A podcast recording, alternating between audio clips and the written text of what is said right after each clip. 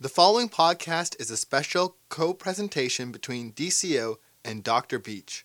For more information on this topic and others, please visit reachdrbeach.com or visit his YouTube channel at reachdrbeach or Googling Reach Dr. Beach.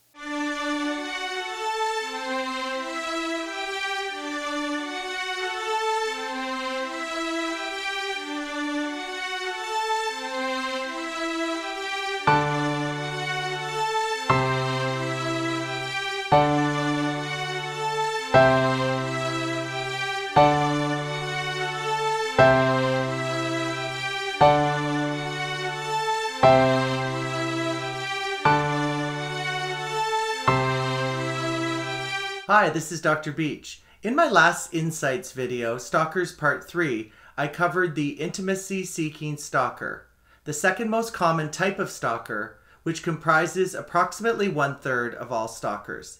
In this episode, I will be covering a less common type of stalker, the incompetent stalker, which accounts for approximately 15% of all stalkers, and will be further exploring this group's primary motivation, risks, and behaviors. Claire Waxman first caught the eye of radio and television producer Elliot Fogel in 1991 while the two were attending St. Albans College. Claire was aware of Elliot following her around campus, hiding behind bushes, always watching and waiting for her. But as a young girl in her late teens, Claire simply chalked this up to Elliot having a crush on her. And at the time, she didn't know what stalking was. And so she did what many of us would do in these circumstances. She simply tried to ignore Elliot and hoped that he'd go away. And two years later, when they left college, Claire heard nothing further from Elliot. But in 2003, 10 years later, Elliot resurfaced and he began to show up at Claire's workplace. He pushed her work colleagues for her personal information. And at the same time, Claire received anonymous cards, emails, and flowers.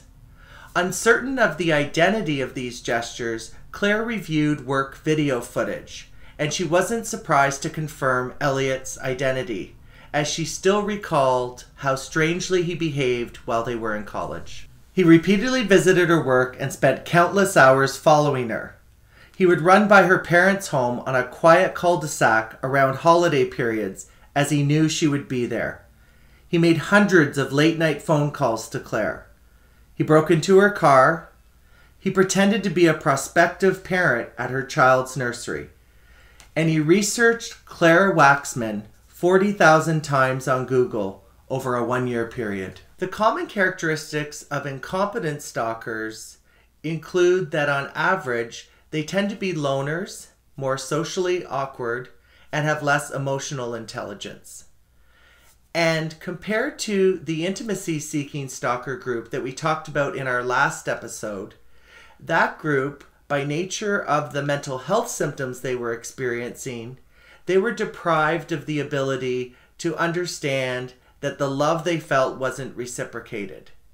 In the case of incompetent stalkers, they recognize that the love is not reciprocated, but they persist nevertheless and oftentimes they persist for many years at a time, like in Claire's case. And even when they give up one particular victim, it's common that they'll move on to another victim. And that's why incompetent stalkers are notorious for sequentially stalking. Now, one of the primary motivations of the incompetent stalker is entitlement. And by that I mean that the incompetent stalker feels entitled to a relationship, even when the love isn't reciprocated. And it's very important to recognize entitlement and the level of entitlement because a high level of entitlement is one of the important risk factors for violence among stalkers. One of the important risk management strategies in stalking is that a team approach is almost always necessary. And a stalking management team can have many players, including the stalking victim, the stalker's family, mental health professionals, local police officers, and local prosecutors. Claire married in 2004, and when she returned from her honeymoon, she found a package on her doorstep. She recognized Elliot's handwriting immediately, and when she opened the package, there was an answering machine. She wasn't sure what was behind the answering machine, but she'd had enough, so she contacted the police. The police issued a harassment order, but the endless phone calls and letters continued. Over 12 years, Claire fought through the courts to see her tormentor brought to justice.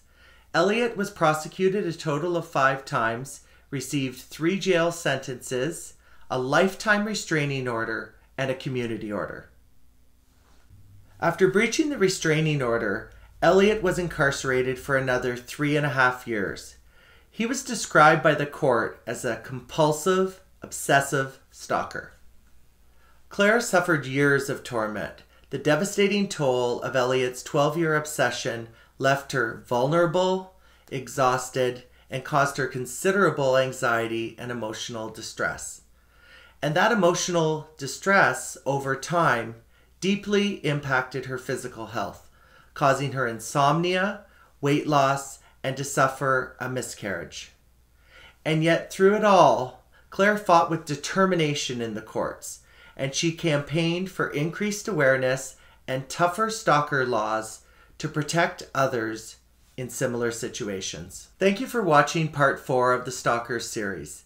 Please join me for the next episode where we'll be covering a case example on the resentful stalker. Thank you for listening to the Learning Forums podcast series. These podcasts were designed and produced specifically for volunteer crisis center organizations. We are member funded and rely on your support to continue to deliver new topics and content.